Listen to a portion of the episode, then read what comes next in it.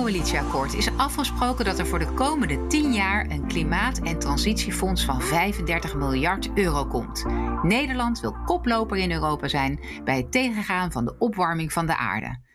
Ook bij bedrijven staan emission statements overal mooie woorden over verduurzaming en groenere bedrijfsvoering. Hartstikke goed, maar de resultaten blijven uit. En hoe kan dat dan?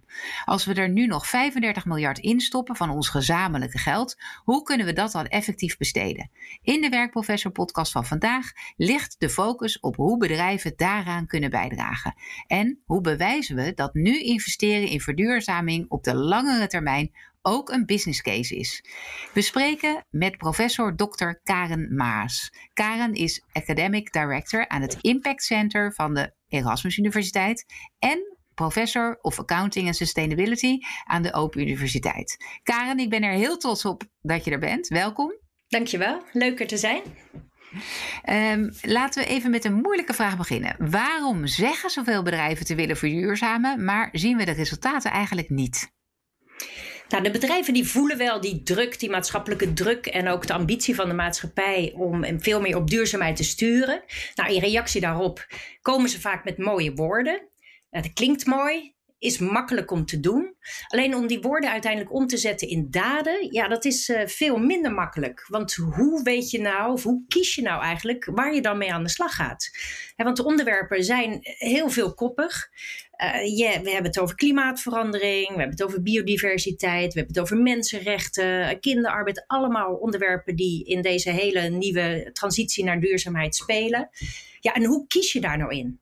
Ja. Nou, en stel dat je hebt gekozen, dan is de volgende stap nog van ja, hoe weet je dan dat dat ook echt tot die verandering leidt die we nodig hebben? Dus het is allemaal niet zo makkelijk. Nee, precies. Het is helemaal niet zo makkelijk. Dat gaan we vandaag uitrafelen. Hè? Van wat, wat kun je dan doen en hoe kun je daar de eerste stappen in zetten?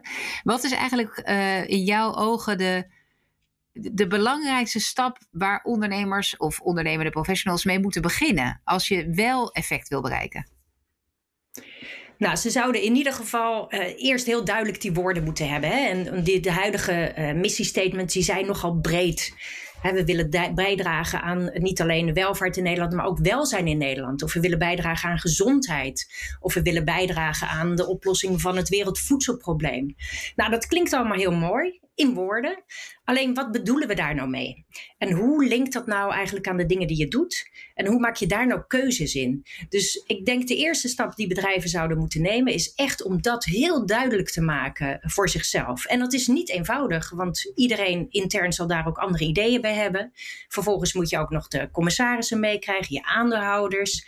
Ja, dus iedereen heeft daar een mening over, heeft daar ook uh, eigen ambities bij. Dus begin daar nu eens om, om expliciet te maken wat je eigenlijk bedoelt met die mooie woorden. Met die woorden, ja. Het doet mij denken aan, uh, wij zijn met mijn bedrijf, V-People, een B-Corp geworden. En een Benefit Corporation. Ah, Voor de mensen die dat niet kennen, is dat eigenlijk een, een certificeringstraject. Uh, waarbij je eigenlijk aantoont dat je met jouw bedrijf de wereld beter maakt. En in ieder geval niet slechter. Uh, dat je positief bijdraagt. Maar daar stond in het assessment eigenlijk allemaal vragen om te checken of je dan een duurzaam bedrijf bent. En die assessmentvragen die hebben me eigenlijk heel erg geholpen om te kijken waar kunnen we nou echt het verschil maken. Dus nog niet eens de certificering zelf, maar ook de assessment. Dus dat linken dat bijvoorbeeld aan de Sustainable Development Goals. En ik vond het zelf wel aardig om bijvoorbeeld um, dat, dat uh, gender equality ook zit in gewoon gelijk betalen. Hè? Dus wat jij noemde ook in de verduurzaming eh, en in het hele sustainability hoek zit ook bijvoorbeeld uh, die mensenrechten component of uh, equal pay. En daar, mm -hmm. ja, ik mhm. vond het zelf wel aardig dat je aan de hand van zo'n assessment eigenlijk ook op ideeën komt hoe je het dan kan meten of wat je dan daadwerkelijk kan doen om daaraan bij te dragen. Nou ja, zo'n assessment kan enorm helpen, hè? want dan, dan wordt ook die spiegel voorgehouden uh, waarin je vragen moet beantwoorden, zoals van ja, wat ga je dan doen en wat vind je dan belangrijk? Dus dan word je gedwongen ook om vanuit dat hele brede spectrum en al die onderwerpen uh, je keuze te maken. Van waar ga jij nou echt op inzetten en waar ga jij het verschil Precies, maken? Precies, en dan kon je ook een beetje zien waar je hoog op scoort en waar laag. Dus er waren ook vragen over, uh, uh, koop je lokaal in bijvoorbeeld? Hè? En heb je dan een leverancierscode om te zorgen dat iedereen in je bedrijf zich daar ook aan houdt? Dat je je boeken niet bij Amazon bestelt, maar bij je lokale boekhandel, bij wijze van spreken. Hè? Want dat, dat is ook een duurzaamheidsiets. Um, dus dat vond ik wel aardig. Zijn er nog meer dingen waarvan jij denkt van hé, hey, daar kan je ideeën op doen hoe je, um, hoe je het concreet kan maken voor jezelf? Ja, zeker. Hè. Er zijn heel veel studies ook um, vanuit bijvoorbeeld het World Economic Forum van wat zijn nou echt de belangrijke duurzaamheidsonderwerpen die op ons af gaan komen. Mm dus op basis daarvan zou je ook in kaart kunnen brengen van ja, wat betekent dat voor mij en mijn organisatie? Moet ik daar iets mee? Hè? Levert dat een risico op? Uh, en veel mooier eigenlijk, levert dat een kans op om je echt te onderscheiden. Nou, dus je kunt heel erg vanuit macro-onderzoeken gaan kijken van ja, wat, wat, wat betekent dat voor mij? Maar veel concreter is misschien nog om bij je stakeholders te raden te gaan. Je stakeholders kunnen je klanten zijn, je toeleveranciers, uh, misschien media die op je dak zit, eh, je financierder, uh, de overheid. ga eens met hen praten van ja, wat verwachten jullie nou van mij als organisatie en waar liggen nu echt mijn kansen? Ja, dat is wel dat je het net ook even ophoudt om je heen, inderdaad. Uh, heel goed. En zo'n en zo'n uh, link naar het World Economic Forum, als we daar op de website zouden kijken, uh, zouden we dat dan daar makkelijk vinden? Ja, er zijn, elk jaar brengen zij een mooie studie uit.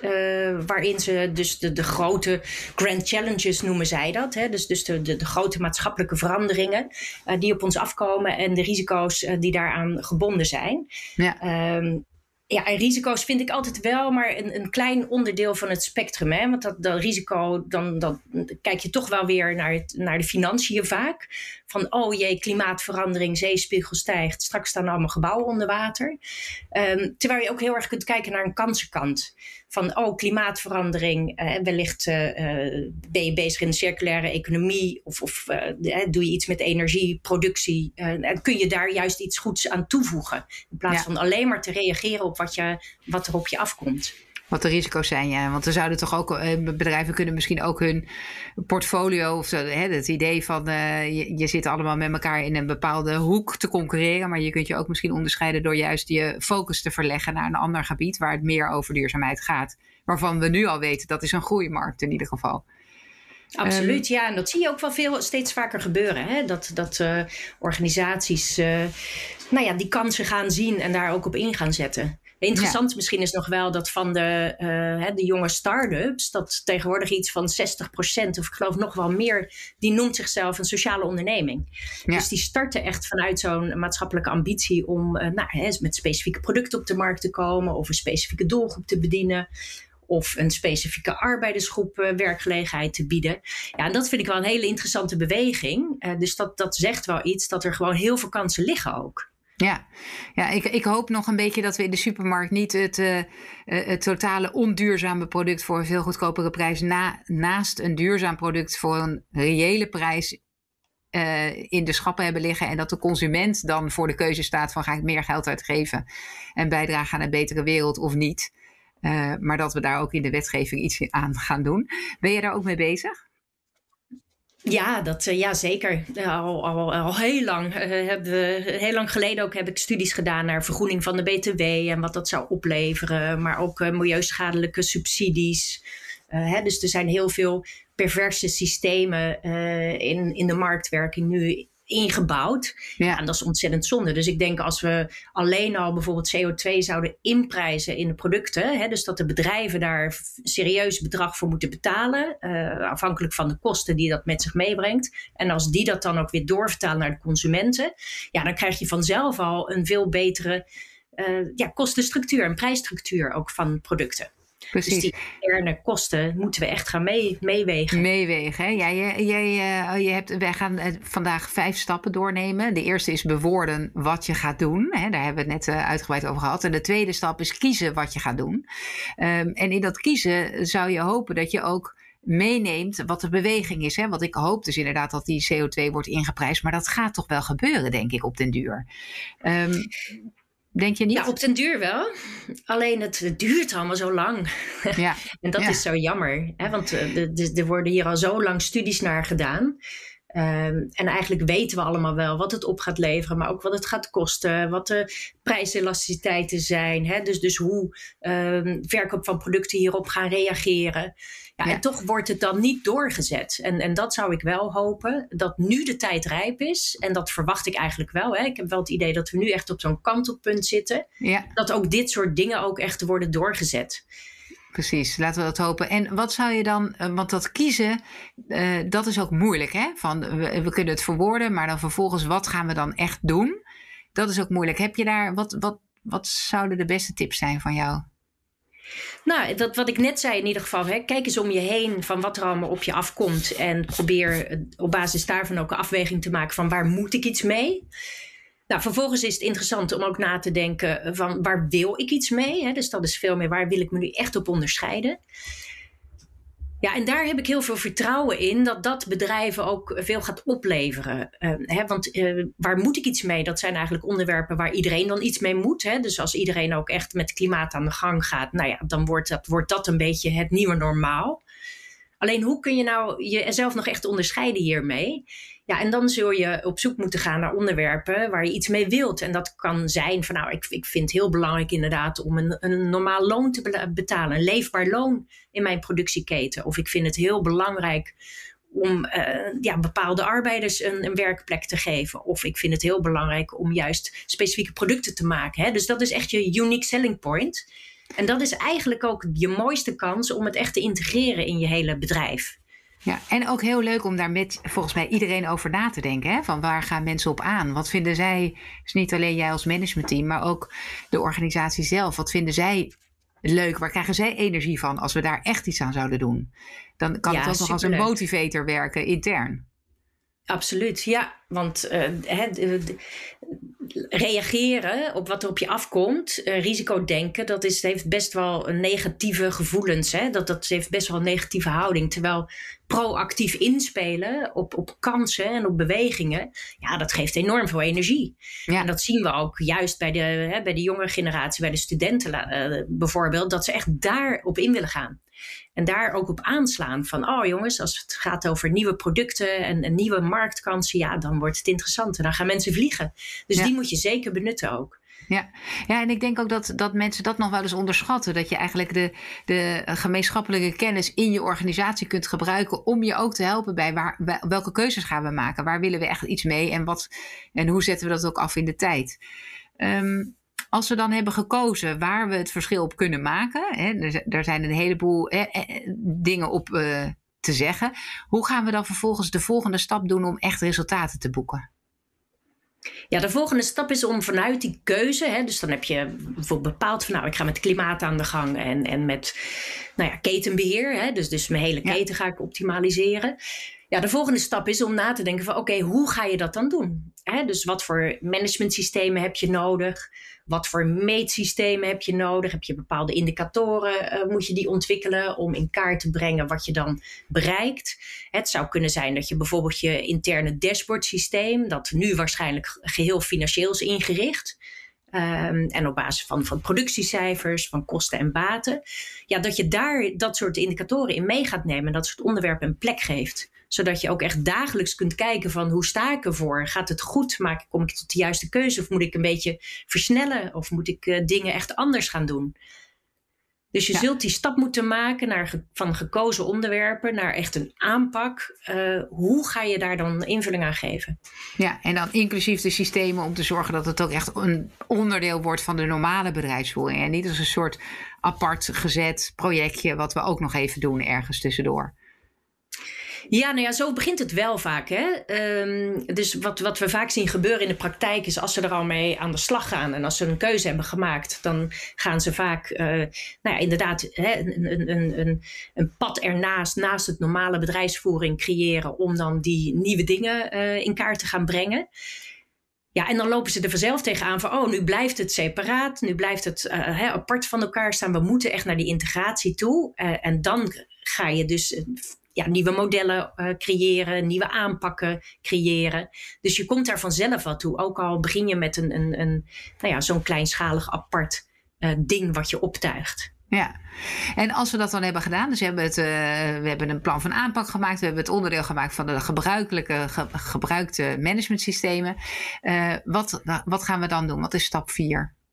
Ja, de volgende stap is dan om na te denken: oké, wanneer ben ik tevreden? Hè? Wat wil ik eigenlijk bereiken? Waar wil ik naartoe? Ja. Uh, dus je gaat targets stellen of doelstellingen. Um, het liefst ook met een inclusief een tijdspad dus, dus wanneer moet ik wat behaald hebben? Ik bedoel, gaan we dat uh, in, in een hele. Hè, stel dat je naar klimaat- of, of CO2-neutraal uh, eh, eh, gebouw wil of een CO2-neutrale onderneming.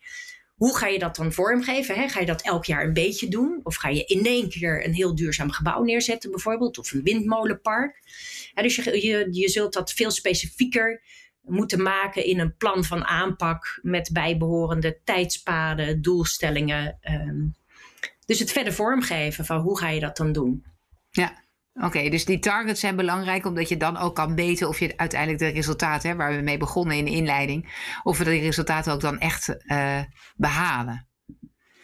Ja, precies. Of je die resultaten echt behaalt. Ja. En, um, ja, en op basis van die inzichten kun je dan ook gaan bijsturen. Hè? Kun je zeggen van nou, we moeten echt versnellen of we moeten een tandje erbij of het gaat hartstikke goed.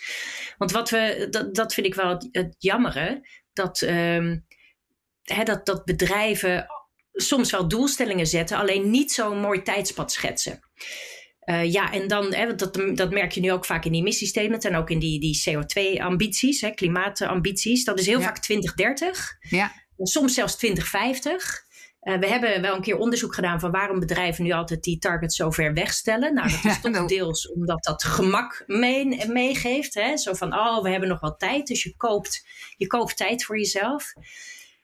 Ja, alleen 2030 klonk uh, eh, 15 jaar geleden heel ver weg. Alleen nu is het opeens best dichtbij. Hè? Dus een keer komt dat dichterbij. En als je alleen maar dat vergezicht schetst, maar niet hoe je daar gaat komen en wanneer je dan wat moet doen.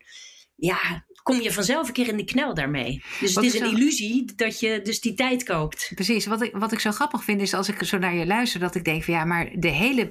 Niemand doet dat in zijn gebruikelijke bedrijfsvoering. Hè? Dus als we het gewoon hebben over de, de doelstellingen van komend jaar. Wij werken met jaarplannen, met ROCs, met hè, ieder kwartaal willen we dingen opgeleverd hebben. En dan uh, zouden we ineens voor dat, uh, dat duurzaamheidsstuk uh, het drie jaar of tien jaar verder zetten. Is dat niet eigenlijk vreemd dat mensen dat voor dit onderwerp zo wegstellen? Nou ja, ik denk dat het ook een onderwerp is wat uh, een lange adem nodig heeft. Hè. Ik zou ook liever zien dat we dat gewoon een, een ambitie stellen voor volgend jaar. En daar dan gewoon heel makkelijk ook naartoe kunnen werken. Hè. Want een jaar is kort, dus uh, dan is het ook logischer dat je elk kwartaal moet kijken hoe, hoe, ja, hoe je op dat pad zit. Hè, of het goed ja, je kan wel zeggen van over 30 uh, ehm. hè, of over 10 jaar wil ik daar staan. Maar dan wil je toch dat er, dat er dat dat teruggerekend is naar wat moet ik dan over vijf jaar doen, over drie jaar, over twee jaar, over een jaar. En dus nou ja, kwartaal dit. Ja. Ja. Ja, precies. Dus je moet het echt gewoon inbouwen in de normale structuren. Ja. Want uh, ik, ik vind het altijd zo, zo wonderbaarlijk dat met uh, geld en, en financiën. Uh, zijn we hiertoe heel goed in staat hè, om dit te. Ik bedoel, maken we ook keuzes? Zetten we dat ook om in systemen? Tracken en tracen we ook? Uh, sturen we bij als het niet zo goed gaat. Uh, hè, en dat zijn soms echt hele ferme um, nou ja, acties die worden ondernomen om, uh, om bij te sturen. Ja. En als het dan over duurzaamheid, over andere onderwerpen gaat, dan ja, nemen we dat op de een of andere manier veel minder serieus of minder rationeel wordt er naar gekeken. En dat verbaast mij elke keer weer. En dat, dat is eigenlijk heel erg zonde. Want daarmee verspillen we ook heel veel tijd en moeite en geld ook. Ja, en heb je een idee waar dat aan ligt? Dat we dit onderwerp dan zo anders bekijken? Ja, ik heb het idee, of in ieder geval wat ik vaak hoor uit de praktijk, is dat mensen het, het uh, moeilijk vinden. Mm uh, want het is moeilijker meetbaar. Het is niet in geld uit te drukken en alles wat geen geld is, dat begrijpen we niet zo goed. Of willen we niet begrijpen. Uh, de dagelijkse hè, hectiek leidt ook, al, ook af. Ondernemen op de normale manier is al moeilijk genoeg. En nu moeten we nog iets extra's doen. Dus jeetje, dan wordt het nog ingewikkelder. Um, dus het zijn wel allemaal ja, manieren om je te verschuilen van ja, het kan niet, het lukt niet, het is moeilijk. Terwijl er heel veel voorbeelden zijn dat het best gaat. Er zijn heel veel methodieken en aanpakken beschikbaar om dit handen en voeten te geven. Nou ja, wat denk ik remmend werkt, is dat we in één keer zo'n heel systeem opgetuigd willen hebben. Terwijl eh, met, met financiën bouwen we dat ook heel langzaam op. Hè. Dus begin gewoon met iets kleins. Uh, bouw het langzaam in. En, en begin dan te tracken en volgen het en kijken of het goed gaat. En, en bouw dat langzaam uit dan. Dus we hoeven niet in één keer alles te doen. Nee, het is wel grappig dat je ook zei van hè, we, we, we, zetten over het algemeen een doel wat heel ver weg is. Dus uh, in 2030, toen het nog uh, eh, 2015 eh, was, bij wijze van spreken. Uh, en we rekenen dat niet goed terug naar wat moeten we dan komend jaar hebben gedaan. terwijl ik denk dat als je dat wel zou doen, dan wordt het ook veel concreter wat het dan oplevert. Hè? En dan kun je het ook beter meten. En dan wordt het eigenlijk net zo concreet als dat je zegt: ik wil meer winst maken komend kwartaal. dan kan je ook zeggen: ik wil zorgen dat ongelijke betaling uh, met zoveel procent per kwartaal omlaag gaat. Of ik wil dat uh, onze CO2-footprint omlaag gaat. En we willen in 2030 op nul zitten. En we willen dus nu komend jaar, hè, dat moet, ieder jaar moet dat 10% minder worden. Ja, nou het is wel heel interessant dat je dit zegt inderdaad. Want we hebben onderzoek gedaan naar bedrijven die uh, duurzaamheidstargets koppelen aan beloningsstructuren of beoordelingsstructuren. Ehm, en het klinkt heel logisch, hè? als we willen scoren op duurzaamheid, dan uh, maken we iedereen daar ook verantwoordelijk voor. En dan gaan we daar ook eh, mensen op afrekenen, of in ieder geval naar prestaties vragen. En we hebben dan onderzocht, van, ja, leidt dat nou ook echt tot die betere prestaties? Nou, en dat blijkt dus helemaal niet zo eenvoudig te zijn. En dat blijkt ook heel vaak niet het geval te zijn. Behalve als je het dus heel concreet maakt. Als je echt zegt van, goh, ik wil... Um, uh, dat, dat, uh, dat jij het komende jaar je CO2 van jouw productielijn uh, met 10% minder energie produceert. Ja, dan gaan we dat doen. Hè? Dus hoe concreter we het maken, hoe beter mensen het ook snappen, hoe beter ze kunnen acteren en hoe beter het ook leidt tot prestaties. Dus ik ben het helemaal eens dat we moeten dit gewoon heel concreet trachten te maken. En dan begrijpen mensen het ook beter. Ja, en dan, weet je, en dan heb je ook het gevoel dat je iets goeds doet, denk ik. Uh, de laatste stap, stap 5, is rapporteren. Uh, wat is het belang van rapporteren? Want je zou kunnen zeggen, ja, als je je targets hebt gesteld en je hebt het aangepakt in je managementsysteem en de resultaten komen, waarom moeten we erover rapporteren? Ja, rapporteren blijft toch wel belangrijk, zowel intern als extern. Uh, intern zeker om, om je medewerkers mee te nemen, om echt dat enthousiasme ook te houden. Hè, dat het lukt en dat er dus prestaties zijn behaald. Um, dus dat is altijd een heel belangrijk, uh, belangrijk middel om te gebruiken. Maar ook externe rapportage uh, is, is van groot belang. Wat we merken wel is dat er komt steeds meer druk van buitenaf. Hè, door stakeholders of de maatschappij of in de media. Die zit uh, heel, heel veel op de nek bij verschillende mensen. sorry, bij verschillende ondernemingen om dus te presteren. Nou, laat dan ook zien wat je bereikt. Um, en dat hoeven niet allemaal fantastische, mooie verhalen te zijn. Hè? Ik bedoel, het is ook heel krachtig juist om te laten zien waarom je dingen nog niet hebt bereikt. Dus waarom dit ook zo moeilijk is. Ik heb het idee dat we um, veel te gesloten hierover zijn. Um, en ook te weinig naar buiten komen met de, de, nou, ook de barrières en de grenzen en de moeilijkheden waar we tegenaan lopen. Ja. Want het klinkt zo logisch allemaal. En, en we voelen ook allemaal wel dat we moeten verduurzamen. Maar ga er maar eens aan staan. Als je aandeelhouder uiteindelijk toch wel uh, zijn winstcijfertjes wil zien aan het einde van het jaar. En ga er maar aan staan als je medewerkers. Uh, 50 jaar al sturen op financiële cijfers. En opeens moeten ze op, op andere dingen gaan, gaan letten. Jeetje, ja, krijg het maar eens voor elkaar. Precies, maar dat is wel, daar zit natuurlijk wel een gevoeligheid in. Want we willen elkaar ook niet afvallen. Hè? Dus als ik uh, zou zeggen, ja, ik wil deze stappen wel maken, maar mijn aandeelhouders willen niet mee. Uh, daarmee geef ik een boodschap af dat ik dus zelf kennelijk niet in staat ben om mijn aandeelhouders daarvan te overtuigen.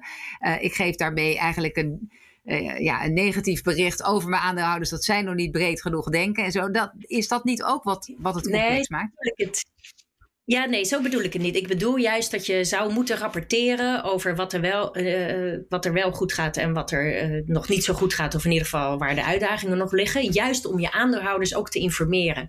En mm. juist om hen ook te duiden dat je het serieus neemt. En dat dit ook iets is wat niet afhankelijk is van financiële cijfers want dat is wel wat we vaak zien, en zeker in deze coronatijd, dat heel veel bedrijven die eh, hele mooie woorden hadden en ook wel al eh, redelijk op gang waren, dat die in financieel slechtere tijden ja, dit soort onderwerpen snel weer van tafel laten vallen. Met de redenering van nou, we hebben het even financieel moeilijk, dus we moeten nu echt weer op financiën gaan sturen. Terwijl ik juist denk van ja, op het moment dat we, dat we nu niet aan die klimaatverandering werken, dan hebben we over tien jaar een nog veel groter probleem, financieel probleem, dan dat we nu hebben door de coronasituatie. Ja, ik, ik, ik ben er echt van overtuigd dat, de, dat wat jij ook al zei, dat het, dat het klimaat, zeg maar, maar niet het, het letterlijke klimaat, maar het, uh, hoe zeg je dat, het, het metaforische klimaat aan het veranderen is. Dat we het niet meer gaan accepteren over vijf of over tien jaar. Dat jij een bedrijf hebt wat het financieel goed doet, maar waarbij je dus alle negatieve effecten voor de maatschappij en voor ons allen niet hebt ingeprijsd.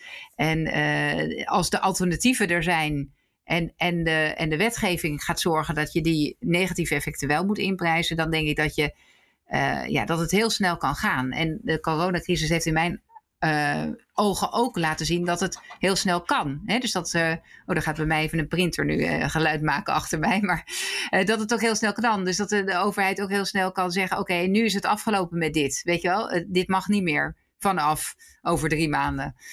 Um, nee, zo is het ook. Dus als we het maar belangrijk genoeg gaan vinden en als we echt die urgentie gaan inzien, uh, ja, dan, dan kan alles. Hè? We hebben nu gezien dat inderdaad alles van de ene op de andere dag veranderd kan worden. Kan worden, ja. ja. En medewerkers zijn al aan het lopen naar bedrijven die duurzamer zijn. Hè? Dus de, bedrijven die niet zo duurzaam hebben, die hebben echt. Ik bedoel, we hebben allemaal moeite met goed personeel vinden, maar die, die bedrijven hebben het nog veel, uh, veel moeilijker, met name om die jongeren uh, aan zich te binden.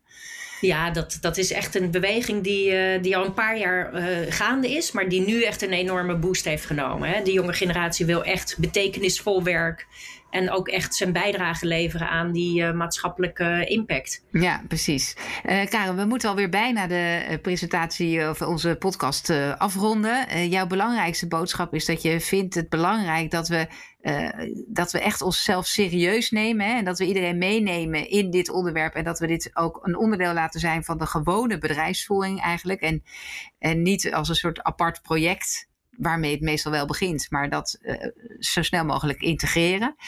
Um, is er, wat, waar werk je op dit moment? Ik heb een heel korte tijd nog even voor waar jij op dit moment onderzoek naar doet en waarvan je denkt van da, daar, daar put ik hoop uit dat dit beter gaat worden. Nou, waar we nu uh, echt onderzoek naar aan doen zijn, uh, is precies die vijf stappen van hoe ver zijn bedrijven nou? Mm -hmm. en interessanter nog van wat houdt hen nou tegen? En nou ja, een aantal onderwerpen heb ik nu al kunnen vertellen. Hè. Dat is inderdaad die interne systemen. Um, maar ook door hen handvatten te bieden van hoe ze dat in kleine stapjes gewoon op kunnen bouwen. Ja, daar heb ik heel veel hoop in. Want ik heb wel het idee dat de ambities er zijn. Uh, en dat bedrijven ook echt de komende jaren die urgentie zien om hiermee aan de slag te gaan. Niet alleen vanuit risico, maar echt vanuit kansen. En dat is een hele mooie ontwikkeling. Precies. Nou, laten we daarmee afsluiten dat hier een enorme kans ligt voor iedere ondernemer en iedere ondernemende professional. En ook jij, als je niet de eigenaar bent van een bedrijf, kan jij hierin het verschil maken. Door onder andere deze podcast onder de neus van je baas of het managementteam te drukken. Dankjewel Karin voor jouw uh, bijdrage en voor jouw uh, onderzoek en het delen van jouw uh, resultaten met ons.